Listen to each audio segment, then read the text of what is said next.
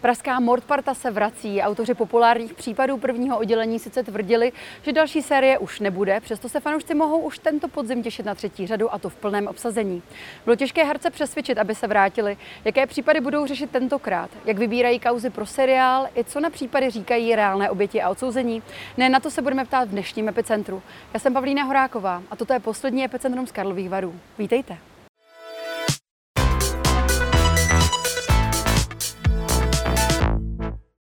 V posledním epicentru z Karlových varů vítám dva tvůrce úspěšného seriálu, spoluautora Jana Malindu. Dobrý den. Dobrý den.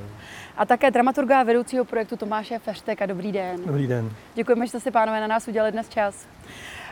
Po první sérii jste tvrdili, že druhá série nebude, po té druhé jste říkali, že ta druhá je definitivně už ta poslední. Přesto se tady dnes budeme spolu povídat o té třetí, která, kterou diváci budou moct spatřit už v září tohoto roku. Co se změnilo? Proč jste se tak rozhodli? Ano, říkali jsme, že už nikdy a byli jsme o tom fakt bytostně přesvědčení s Pepíkem Marešem, spoluautorem. A protože za A jsme byli přesvědčení o tom, že jsme vyčerpali jak e, případy, které by stály za zpracování seriálový, tak i policejní profesní témata, které se na to dali navázat.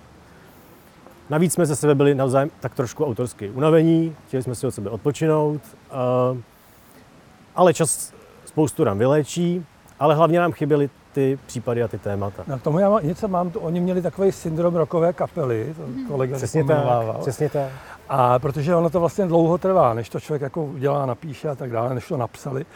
Takže to, byl, to byla ta autorská únava. No ale to, co potom zahrálo roli, tak uh, že oni některé ty příběhy se odehrály během té doby, kdy my jsme natáčeli. Jo, takže protože já si pamatuju například eh, na jeden případ, který jsme teď točili, že ten se odehrál ve chvíli, kdy se psala ta předchozí řada. Takže já si totiž pamatuju, že ten případ tehdy hrásili v rádiu, Mareš měl odevzdat scénář, já jsem říkal, no to je v háji, protože bude vyšetřovat a zase nic nedostanu. Ale oni, to, oni je tehdy chytli asi za tři dny, takže to nebylo až tak velký spoždění. Takže to jsou ty důvody. Prostě vlastně ty případy se nasčítaly s léty. To byla, to, byla, to byla jedna věc. Druhá věc, že, že byl klíčový faktor. Eh, Když se to mezi námi jakž takž uklidnilo s Pepou, tak a byli jsme schopni spolu zajít normálně i na pivo. A to znamená, že bylo jakýsi podhoubí, že bychom mohli spolu ještě něco dělat. Zejména v, v tvůrčím týmu Michal Reitler, kreativní producent, Tomáš Ferstek a my dva. Protože nám to jako vždycky dobře fungovalo. Tak e, přišel zlom, zvrat. To bylo 13. září, si pamatuju přesně, jsem se ráno probudil a v SMS jsem našel zprávu od kolegů z redakce, prosím tě, sežeň vyjádření Mareše k tomu, že končí u policie. A pro mě to byl šok, překvapení, já jsem o ničem takovým vůbec nevěděl, mě to zaskočilo. Ne, že by Pepa nemluvil občas o tom, že ho to u té policie štve z nějakého důvodu, ale říkal to víckrát a právě proto jsem to nebral vážně. Ale tehdy, když jsem pochopil, že to, je, že to není blbý vtip, že to je nevratný, začalo přemýšlení. A jak jsem přemýšlel o těch důvodech, proč u té policie tak z ničeho nic jako končí, tak mi po nocích začaly naskakovat témata. Ty témata, o kterých uh, jsem si byl jistý, že nejsou, ty policejní profesní témata. A zároveň, jak říkal Tomáš, tam mezi tím naskákaly ty případy. Takže jsem si to tak spojil, jenom jsem se strašně bál jít za Pepou a říct mu, pojďme pokračovat. Protože, jestli to není ještě moc dlouhý, tak já to ještě řeknu. Ten zásadní problém byl, že já jsem mu předtím pět let v podstatě jsem se na něj vždycky mračil, když on někde použil postavu kozáka, plíška nebo něco, když si psal třeba rozhlasovou hru, ale i devadesátky, kde jsme se kousli, právě proto, že jsem, se, jsem si říkal, neohrožujme tu, tu dobrou pověst, tu výjimečně dobrou pověst toho prvního oddělení. Nekažme to, neriskujme radši pro jistotu. A pak já jako blbec přijdu a řeknu, že bych pokračoval s případama. A co Pepa řekne? Tak ty jsi mi chtěl zakázat do 90. abych si vzal tyhle figury a teď chceš pokračovat. Potřebuješ prachy, hypotéka nebo jaký je problém? Jako? Ale ta reakce byla mnohem lepší, než jsem čekal. S Michalem Reitlerem a s Pepíkem jsme si to tak jako řekli, že by to možná teda, že bychom to zkusili. Michal ale velice rozvážně řekl, dejte si ještě pauzu, přemýšlejte o tom, jestli ty případy máte, jestli máte ty témata. Já se zeptám, co si o tom myslí Tomáš, herci, co si o tom myslí a tak dále. No a bylo jasno potom za dva měsíce. Vy jste právě už zmiňoval ty devadesátky, eh, to nás samozřejmě zajímá, jaký, jaké to pro vás je, nebo bylo, dívat se vlastně na vaše hrdiny, ač o 30 let mladší, v, v projektu, u kterého vy jste nebyl. Uh, já, mně se strašně hlavně ulevilo, že to má takový úspěch a že je to tak dobrý. Mm, když jsem věděl, že, že u toho bude Tomáš, když jsem věděl, že u toho bude Michal Reitler, který to má celý pod palcem, tak jsem se nebál, že to dopadne nějak špatně. Ale přece jenom jsem si říkal, jak třeba diváci vezmou to, že jsou zvyklí na tvář Ondřeje Vetchýho a najednou tam uvidí nějakého mladého kluka a třeba by jim jako nemusel sedět. To je taková nejistota jako iracionální, ale v zásadě jako pochopitelná. Ten herec za to nemůže, napsaná ta postava může být dobře, ale může tam být tenhle ten důvod. Trošku jsem se toho bál, dopadlo to dobře, to už víme. No, eh, ono u každého toho projektu je to vlastně vždycky jako jdete znova do toho rizika. Jo? Jako, že to dopadne dobře, nevíte nikdy. Můžete tomu věnovat nějakou práci, protože on ten výsledek je hodně uměrný té odvedené práci. Ale ty devadesátky se povedly vlastně nad očekávání všech přítomných. Lámali všechny rekordy, to určitě všichni jsme zaregistrovali. Mě tam ještě fascinovala ta postava toho Tůmy. Já nevím přesně, jestli to opravdu vymyslel čistě Pepa. Teď se mi tomu nechce věřit, že jste mu s tím nějak nepomáhali. Ale uh, ten policajt, který lavíruje mezi zločinem a, a tou spravedlností a um, snaží se to nějak ubalancovat, uhrát, to byla geniálně myšlená postava. Teda, jako. Tak pochvala přímo tady u nás pořadu, tak to jsme rádi. To bude festival pochlebování tohle. Mě by zajímalo právě, čím si vysvětlujete ten obrovský úspěch, ať už tedy těch případů prvního oddělení, nebo i těch devadesátek. Mě taky zajímalo. No, eh, pokud jde o případy, eh, já si pamatuju vlastně, když ty případy startovaly, to bylo v roce 2011, asi tak nějak, že jo? Myslíte, jako, že jsme, se, že jsme no, to... No.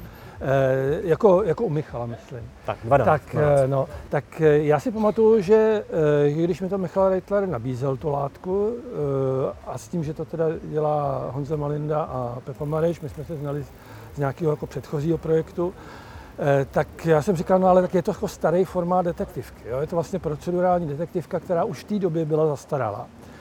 Ale e, my jsme trošku stavili na tom, že ale ona tady vlastně dlouho nic takového nebylo. Jo? A v, v každé té kinematografii vlastně má smysl ten žánr odžít. A e, já si myslím, že opravdu zásadním bonusem e, v tomto případě Eh, byli ty autoři a, a tím, že tam byl Pepa, který jako fakt tomu, co vyprávěl, rozuměl a fakt to znal detailně. To vlastně u žádného e, detektivního seriálu předtím do té míry nebylo, minimálně po roce e, jako 90. Takže to si myslím, že tam ta míra realističnosti, uvěřitelnosti, e, jako míry detailu, e, jo, že to vlastně naplnilo tu žánrovou formu. Takže to jsou případy prvního oddělení. Pokud jde o ty devadesátky, to mě samotného překvapilo. Jo, jednak to opadlo, já si myslím, že třeba u těch devadesátek, jako, jo, tam byl slušný scénář, ale myslím si, že tam opravdu velkou roli hrála ta realizace, to znamená Petr Bibiak a, a, a jeho kameraman, e, protože oni to opravdu jako posunuli jako, jako výrazně výš, že to je jako dobová kriminálka, a, e, a zároveň se tam jako podařilo to komplexní vyprávění. My jsme na to fakt sami, já si pamatuju na rozhovor, když jsme byli na poslední schvalovačce a vylezli jsme s Michalem Reitlerem z té schvalovačky a říkali jsme, tyhle, kdyby nám to jako někdo ukázal a zeptal se nás, jestli bychom to uměli udělat, tak řekneme, že ne. Že to je, jako, že to je vlastně jako příliš komplexní a, a promakaný a tak, to, to že bychom nezvládli. Jo, čili jako někdy se to jako povede vlastně víc, než by člověk čekal a nemá to úplně jako racionální důvody. Můžu drobnou úvahu, to, co říká Tomáš, je velmi přesný. Jenom jsem si u těch případů a u těch devadesátek se spotkaly dvě věci.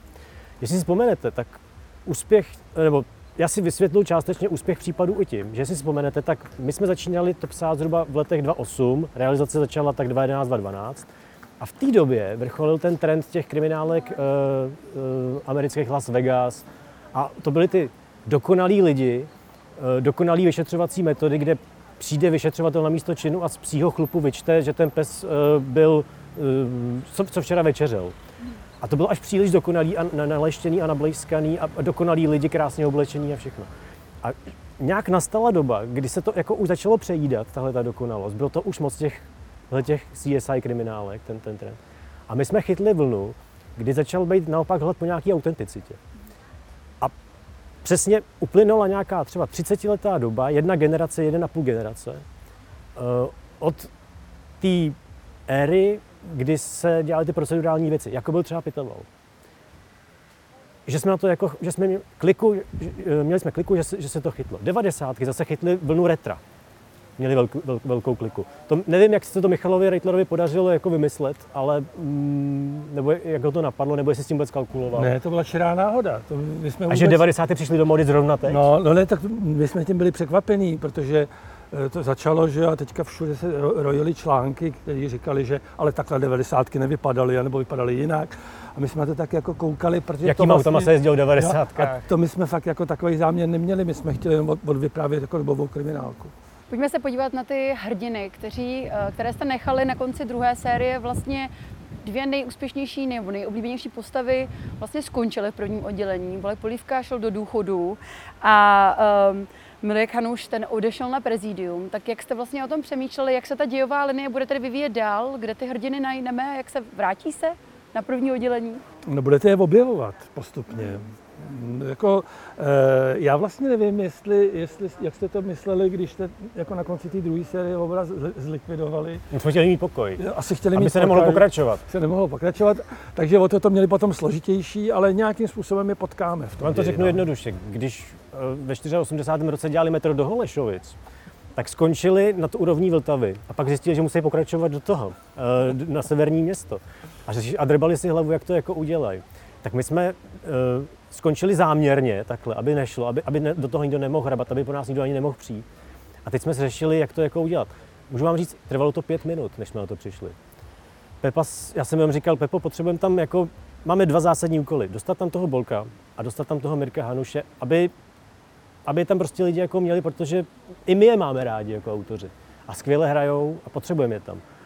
A posud tak jako, u Bolka jsme věděli hned, teda u Plíška, to nebylo složitý a u toho Mirka Hanuše to dal Pepa si za tři minuty. Nicméně já vím, že, se, že budeme začínat vlastně šest let poté, řekněme to. To znamená, za těch šest let si umím představit, že došlo k určitému pokroku. Přece jenom ten kontext těch policistů, eh, kriminalistů se změnil. Mířím zejména to, že se vyvinuly sociální sítě, elektronická nebo digitální kriminalistika. Mě by zajímalo, je to něco, s čím jste počítali nebo co jste museli zohledňovat v těch příbězích? Já budu mít jeden takový jako dramaturgický postřeh. Jo. Hmm. Já si pamatuju, že, eh, že v těch prvních dvou sériích Eh, když v tom případu se došlo k nějakému momentu, kde ty policisti reálně použili eh, jako, nějaký, jako nějakou elektronickou stopu toho pachatele, tak tehdy jako byl Pep Mališ takový jako velmi ostražitý a nechtěl to vlastně do toho seriálu dávat. On vlastně on jako nechtěl přiznat, že to tak vlastně je. Jo. Protože tehdy to ještě jako vlastně nebylo obecně známé a on jako nechtěl jako prozrazovat nebo vytahovat zbraně jako příliš na veřejnosti. A v tom se ta doba posunula, to znamená v té třetí sérii se s tím hraje úplně jako naplno, jo, to znamená se záznamama na kamerách, eh, s eh, poslechama taky, eh, s výpisama z mobilů a tak dále. Já jsem byl zaskočený, nejenom přesně vidím v jednom námětu, nejenom, že tam prostě je jakoby, že pachatel byl zachycen na buňce tamhle. Já říkám, to je ale posun, Mareš nám dovolí, jako, že můžeme pracovat s buňkama, jako mobil, mobilníma. To je něco. Ne, ještě, ještě jiná věc. Ty sociální sítě hrajou roli spíš v životě těch policistů. A to je další zásadní téma, na který jsem se těšil. Říkal si, to tam přece celou dobu bylo. Prostě máme nějakou starou školu policajtů a ty nemají ani ty sociální sítě. A z nějakého důvodu Pepa vždycky razil teorii, že by jeho podřízení na jeho oddělení neměli mít Facebooky a tyhle ty věci. Je to docela racionálně vysvětlitelný. Když děláte drbany a lidi, kteří sedí 20-30 let, tak to nejsou úplně slušní lidi, vy máte rodiny, proč ukazovat na sociálních sítích jako policajt, že máte nějaký zázemí, z čeho se dá doklikat, kde bydlíte třeba. Jako. Není to vůbec složitý. V dnešní době za tři minuty zjistím uh, adresu tady půlky lidí uh, jako z Facebooku, když budu chtít, mají otevřený profily a tak. Tak tohle tam řešíme jako téma třeba. To jsou ty sociální sítě. A mimochodem i policie se prezentuje, že jo, taky tlačí na to, jako korporace, Eh, mít Instagram. Bylo nemyslitelné před deseti lety, aby se policajti v terénu fotili a dávali to někam eh, na nějaký eh, oficiální prezentace, jako týdenník policie a tak podobně. Dneska běžně. Takže to je nejen, že to tam je přítomný, ale je to vlastně součástí těch zápletek. A hraje to roli. A hraje to roli a vlastně některé i části té dlouhodobé linky se točí okolo třeba sociální sítě, prezentace, sebeprezentace policie, způsobu řízení policie, který se změnily. Jste už mluvili o tom, jak těžké nebo možná, jak jste se moc obávali oslovit Pepu Mareše k tomu, abyste na tu třetí sérii společně zase zasedli a začali psát scénář. Ale jak těžké bylo přesvědčit třeba herce? A mm, museli jste je, museli jste je přemlouvat? Víte o tom něco? Já o tom je vlastně jako poměrně málo. E, ale mám pocit, že, že ani Ondřej Vetchý, který vždycky bývá takový jako že nejvíce drží zpátky a, a říká, ne, já už vlastně jako nic takového dělat nechci a to je dlouho a podobně, tak já mám pocit, že ani on jako nevzdoroval. Já mám k tomu jenom historku, že vím, že jsme si s Michalem v té první fázi, když jsme se o tom bavili, když jsme to řekli jakoby nějak vám, budeme to držet pod pokličkou do doby, než si budeme jistý, že to fakt jako budeme dělat. A to bylo několik měsíců. Skoro rok jsme to drželi jako pod pokličkou. A šlo o to oslovení těch herců. A jak jsem se bál, aby to ty herci, aby se někdo nezbláznil, aby si neřekl o pětinásobný honorář. A pak by to na tom zkrachovalo, že by to muselo být bez něj, protože by se prostě ten herec nezaplatil. Tak jsem udělal pokoutnou věc, že jsem některým svým kamarádům hercům jako zavolal a říkal jsem, nemůžu ti říct, o co jde, ale chtěl bych, abys na to kejvnul, až ti bude volat Michal Reitler.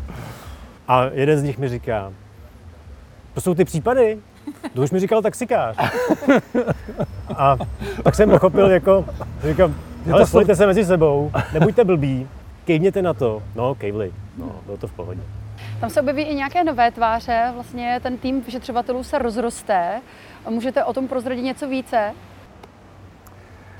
Byly tam nějaký volné místa, že jo? Ne, no, oni tam vytvořili dvě volné místa, potřebovali jsme nového vyšetřovatele a, eh, a vyšetřovatelku, kriminalistku. Eh, a eh, Juraj Loj hraje vyšetřovatele se slovenským pozadím a lehkým přízvukem a, a takovýho jako slušňáka. Myslím, že jako co bylo zajímavé na obsazení té policistky, protože o tom jsme se jako dost bavili, jo, protože to je vždycky jako důležité, aby v tom kriminálním seriálu nebyla ta ženská jenom na dobu. Že ona musí mít prostě nějaký jako speciální charisma, abyste jí jako věřili, že to chce dělat a že, že tam opravdu jako není do počtu. A e, vlastně Barbara Bočková, která, která hraje tu kriminalistku, tak já teďka to mám hodně nakoukaný, protože jak to furt v té střížně jako jedu do kolečka.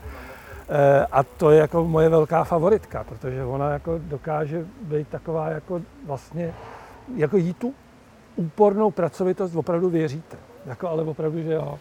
Vycházím z toho, co říkal teď Tomáš. My jsme tu postavu psali tak, aby uh, tam reálně mohla pracovat.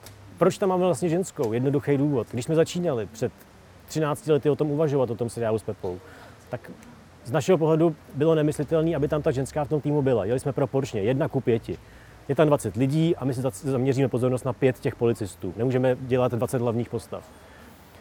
Když tam byla jedna žena uh, mezi těma 20 vlčákama, tak jsme tam proporčně dělali jedna ku pěti, tak byla tam ženská jakoby byla nemístně až moc. Ale v průběhu let se tam ty ženy začaly objevovat na tom oddělení. Jenom tam byly dvě, tři, čtyři. A když jsme teď začali dělat třetí sérii a bylo volné místo, eh, jedna volná židle, tak jsme si řekli, no už je obhajitelně, aby tam byla. A hlavně musela nám tam sedět jako povahově, aby to prostě mohla být holka, která dělá na vraždách. Ona má trošku jinou motivaci logicky, trošku se na, ty, na tu práci dívá jinak. Některý, zase je to odůvodnitelný. Není to jako, že je trendy teď tam dát ženskou, tak ji tam dáme. Ne, v žádném případě. Muselo to vycházet eh, z logiky reality.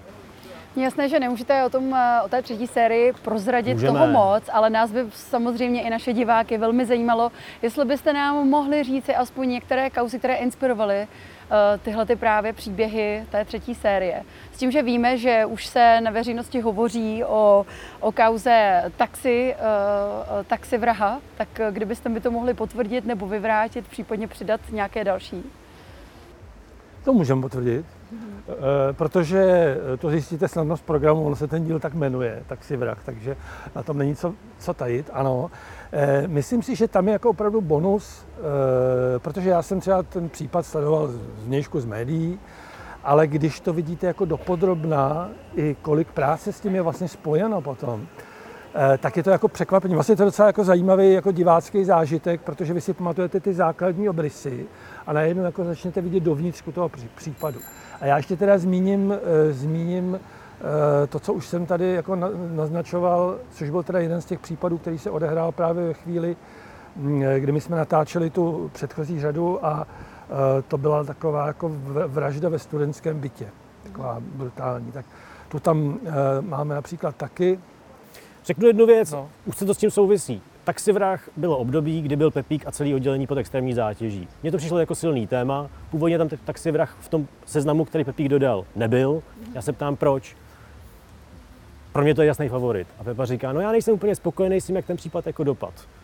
A já říkám, tak se za to nebudeme stydět a přiznáme, že u policie e, vždycky nedopadne všechno podle našich představ a že nejsme spokojení s tím, jaký je výsledek našeho extrémního úsilí.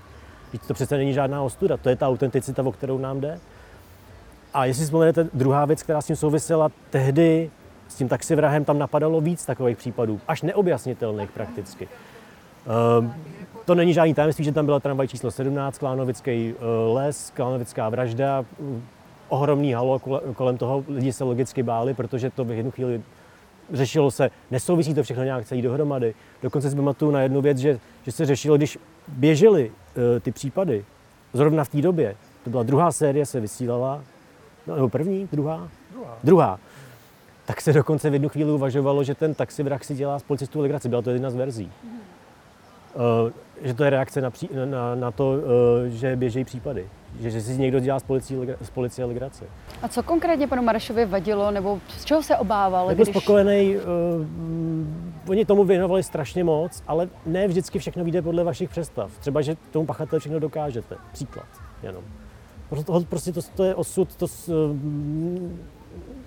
neseženete všechny svědky A, třeba. při, a přitom, přitom tohle to je vlastně jako... Nevíte všechno eh, třeba. No, eh, což je jako zajímavý, jo, protože já se často jako dramaturg do, do, doptávám, jo, jako dostanu ten scénář a říkám, no a, a jak to bylo tady s tím letím? A, a, a, on, a často se říká, no my jsme se to vlastně nikdy nedozvěděli. Jo. Ale něco si myslíme třeba. Jo, něco si myslíme, ale A to neznamená, že těm lidem neřekneme, co si o tom myslíme, že, se, že ten divák zůstane jako tak, jak to teda jako bylo. To tam prostě vyberte si.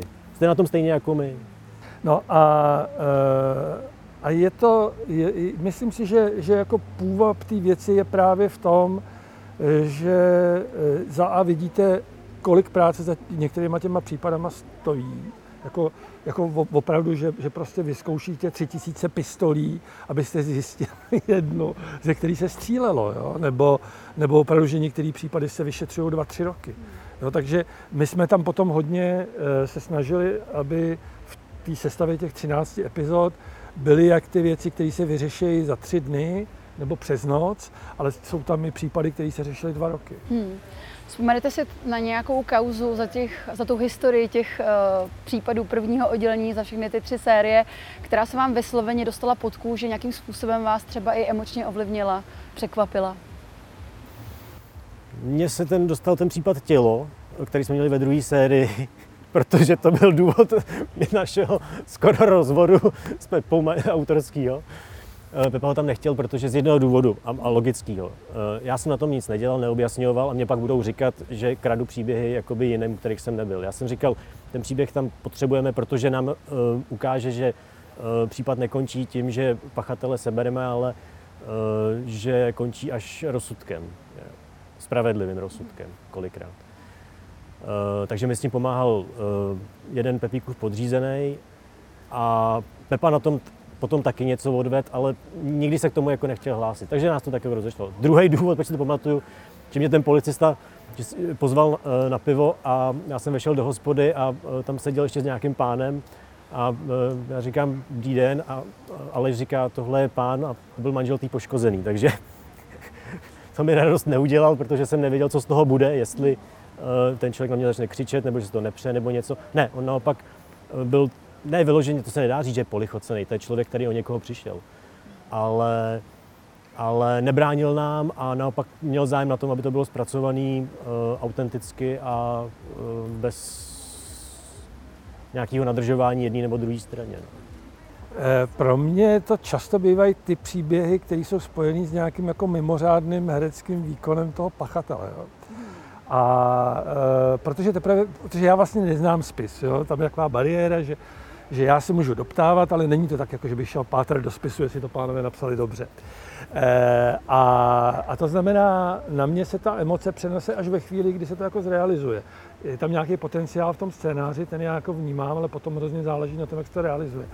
A, a takových jako několik, eh, několik eh, jako hereckých výkonů tam mám, který mě jako oslovili natolik, že ke mně opravdu jako to sdělení, třeba ta, často ty vraždy jsou totiž absurdní, jo, jako že, že eh, jako to, často to nebejvá úplně jako vědomý zločin ze zjištních důvodů.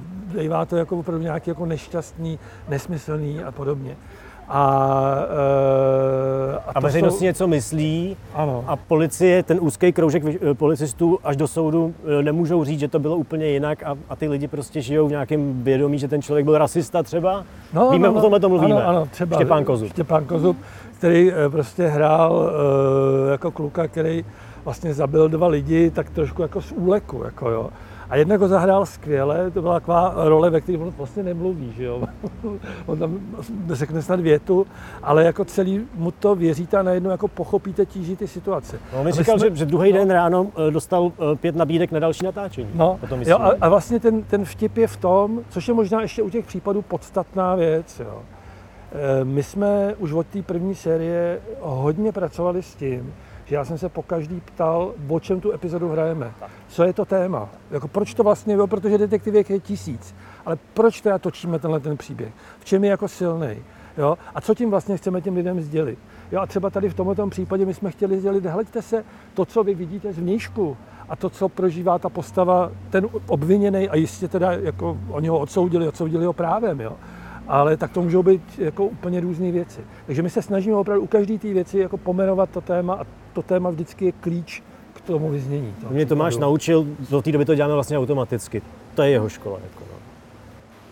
Jsou to reálné příběhy, nebo respektive je to, jsou inspirovány reálnými příběhy, což znamená i reální kriminálníci, vrahové a také reálné oběti pro rodiny to může být velmi traumatizující. Tento zážitek, některý, některé ty příběhy se opravdu odehrály poměrně nedávno.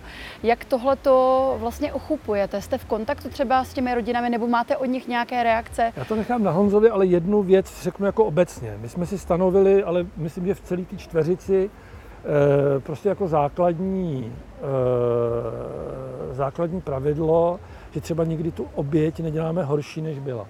Jo, to, je, to je skoro úplně jako to nejdůležitější. A ono to ani vlastně ani jako v zásadě ale nejde, protože když eh, se snažíte držet uh, těch stěžejních bodů toho případu, protože tím si zajistíte tu autenticitu, když ten příběh teda sám o sobě jako nějakým způsobem je funkční, tak uh, ani není důvod uh, tý, tý, tomu poškozenému nějak škodit. Proč? Jako to je zbytečný dělat z něj větší... Jo, no, dobře. Někdy člověk může být sváděn potřebami dramatického příběhu, nic, co by se vám hodilo. Ale tady jako to základní... A pravidlo tam vždycky bylo. To základní pravidlo je. No a druhá věc samozřejmě byla komunikace autorů jako s těma rodinama, což bylo hlavně jako na Pepovi Marešovi, eh, který eh, jako s některýma těma rodinama udržoval vlastně dlouhodobý Víme o takových případech. No. No. Není jich moc, není to vždycky, ale uh, víme o nich. No. A co se týká právě zase těch uh, řekněme, negativních hrdinů těch příběhů, tak dostali jste třeba někdy nějakou zprávu od někoho, že z vězení dostali odsouzený se na vás díval? Dostali jsme nějakou zprávu. Dostali jsme, to, to je taková jako hodně bizarní historka, to bylo hned v té první sérii. A e, dostali, jsme, e, dostali jsme dopis z vězení od toho pána, co vraždil. E, ještě ne, takovým, on se v tom poznal, že vraždil. Takhle, ano. A ještě takovým jako velmi zvláštním písmem opravdu, který by stál za grafolický rozbor. A on nás tam žádal o autorský honorář, eh, protože se cítil být autorem toho, toho činu. Vysvětlím, basy jsou plný uh, jednak těch kriminálníků a vedle nich sedějí samozvaní právníci. A ty za krabičku cigaret uh, jim vždycky rádi nadiktují nějakou uh, strašně vznešenou formulaci, která zní jako, takže on tam mm, tím svým škrabopisem, který byl sice úhledně takový až jako v, krásně podvodnicky jako mm, vymalovaný, do toho byly příšerní hrubky, jakože měkký tvrdí se tam střídali podle toho, jako aby to tak spíš jako rytmicky sedělo, než aby to graf, gramaticky sedělo. A on vytvořil konstrukci. Vy jste porušili, um, dotkli se mých autorských práv, um, jelikož jste uh, využili příběh, jehož já jsem autorem. A uh, to by znamenalo dle dokonalého precizního výkladu autorského práva, že on by považoval uh, tu vraždu za umělecké dílo. Tak, takže by to asi byla no, nějaká vlastně, performance. Vlastně to tak, Já myslím, Já... že jo, že, že, že mu odpovídalo tehdy, myslím, eh, buď mu přidal producent nebo právní oddělení, nějak tak to bylo. No. Asi se musí odpovídat na tyhle věci, jména České televizi, bohužel. Musím se zeptat uh, na závěr. Je jasné, že ta otázka přijde. Já se trošku bojím vaší odpovědi, protože nevím, jestli upřímně můžeme věřit. Uh, bude čtvrtá série? já, já, bych, já jsem na to občas dotazován. Ano. A já už na to mám teda nacvičenou odpověď. A já říkám, že po třetí řadě prvního oddělení a 90. už jsme vyčerpali kompletní kriminalistickou kariéru uh, Josefa Mareše, takže, uh, takže v téhle podobě si myslím, že už jako pokračovat nebudeme. Uh, I díky tomu, že ten prequel, ty, ty 90. se vlastně povedly a tady je to nějakým jako logickým způsobem uzavřený, tak mně připadá, že to je docela jako, jako uzavřená série, která funguje a opravdu nějak nepředpokládám, že bychom ji rozšiřovali. Ještě než on za Malina odpoví, já si... počkejte, já se zeptám ještě teda, doplním tuto otázku, ještě tedy o to, jestli je nějaký jiný projekt, možná ne s Pepou Marešem, na kterém pracujete, ale který se týká třeba kriminalistiky. My čekáme v české televizi, to jsme dělali teda bez Tomáše, bohužel bez Tomáše musím říct, ale eh, bylo, chyběl jste nám jako vždycky. Uh, máme minisérii Docent, uh, která vznikala pro na vyslovný přání pana režiséra Stracha. To je třídílná věc s Ivanem Trojanem a s Tereskou Rambou, já nevím, jak se to skloňuje, to její příjmení. A to by mělo snad být někdy příští rok. Leden, únor, březen, nevím, tak nějak. A tam jsme si podávali s jinou myšlenkou. Uh, to není podle skutečných případů, tam Pepa opravdu jakoby zamakal a zkusil vymyslet uh, takový zločin, který by se mohl stát. Nestal se, ale mohl by se stát.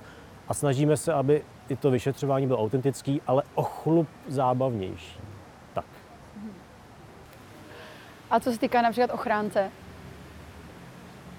No, Uh, Když už vás tady máme, tak se na to všechno jo, jo, zeptáme, protože no, to byl ne, taky velmi to, to je vlastně seriál. Správná, to je správná otázka, protože Eh, my jsme nijak eh, nezastírali, že když jsme jako koncipovali to ochránce, tak jsme hodně vycházeli z prvního oddělení eh, v tom smyslu, že jsme chtěli jako dělat jiné příběhy, ne kriminální, ale, ale sázeli jsme hodně zase na tu autenticitu a znalost toho prostředí. Takže to ano, to proběhlo a já v tuhle chvíli dávám dohromady, dohromady setup vlastně jako další řady Eh, já to ještě nemám úplně jako pomenovaný, abych to řekl, protože ano, bude se to jmenovat Ochránce, ale bude to trošku jako jinak koncipovaný seriál. Ale jo, chystáme to. Dobře, budeme držet palce. Děkujeme, že jste si na nás udělali čas a přejeme mnoho štěstí. Tak děkujeme. Děkujeme za pozvání. Příště neviděnou. A to už je z dnešního Epicentra vše. Já jen připomenu, že záznam tohoto dílu společně s těmi ostatními naleznete jako vždy na blesk.cz. Já se s vámi pro dnešek loučím a těšíme se opět příští týden. Na viděnou.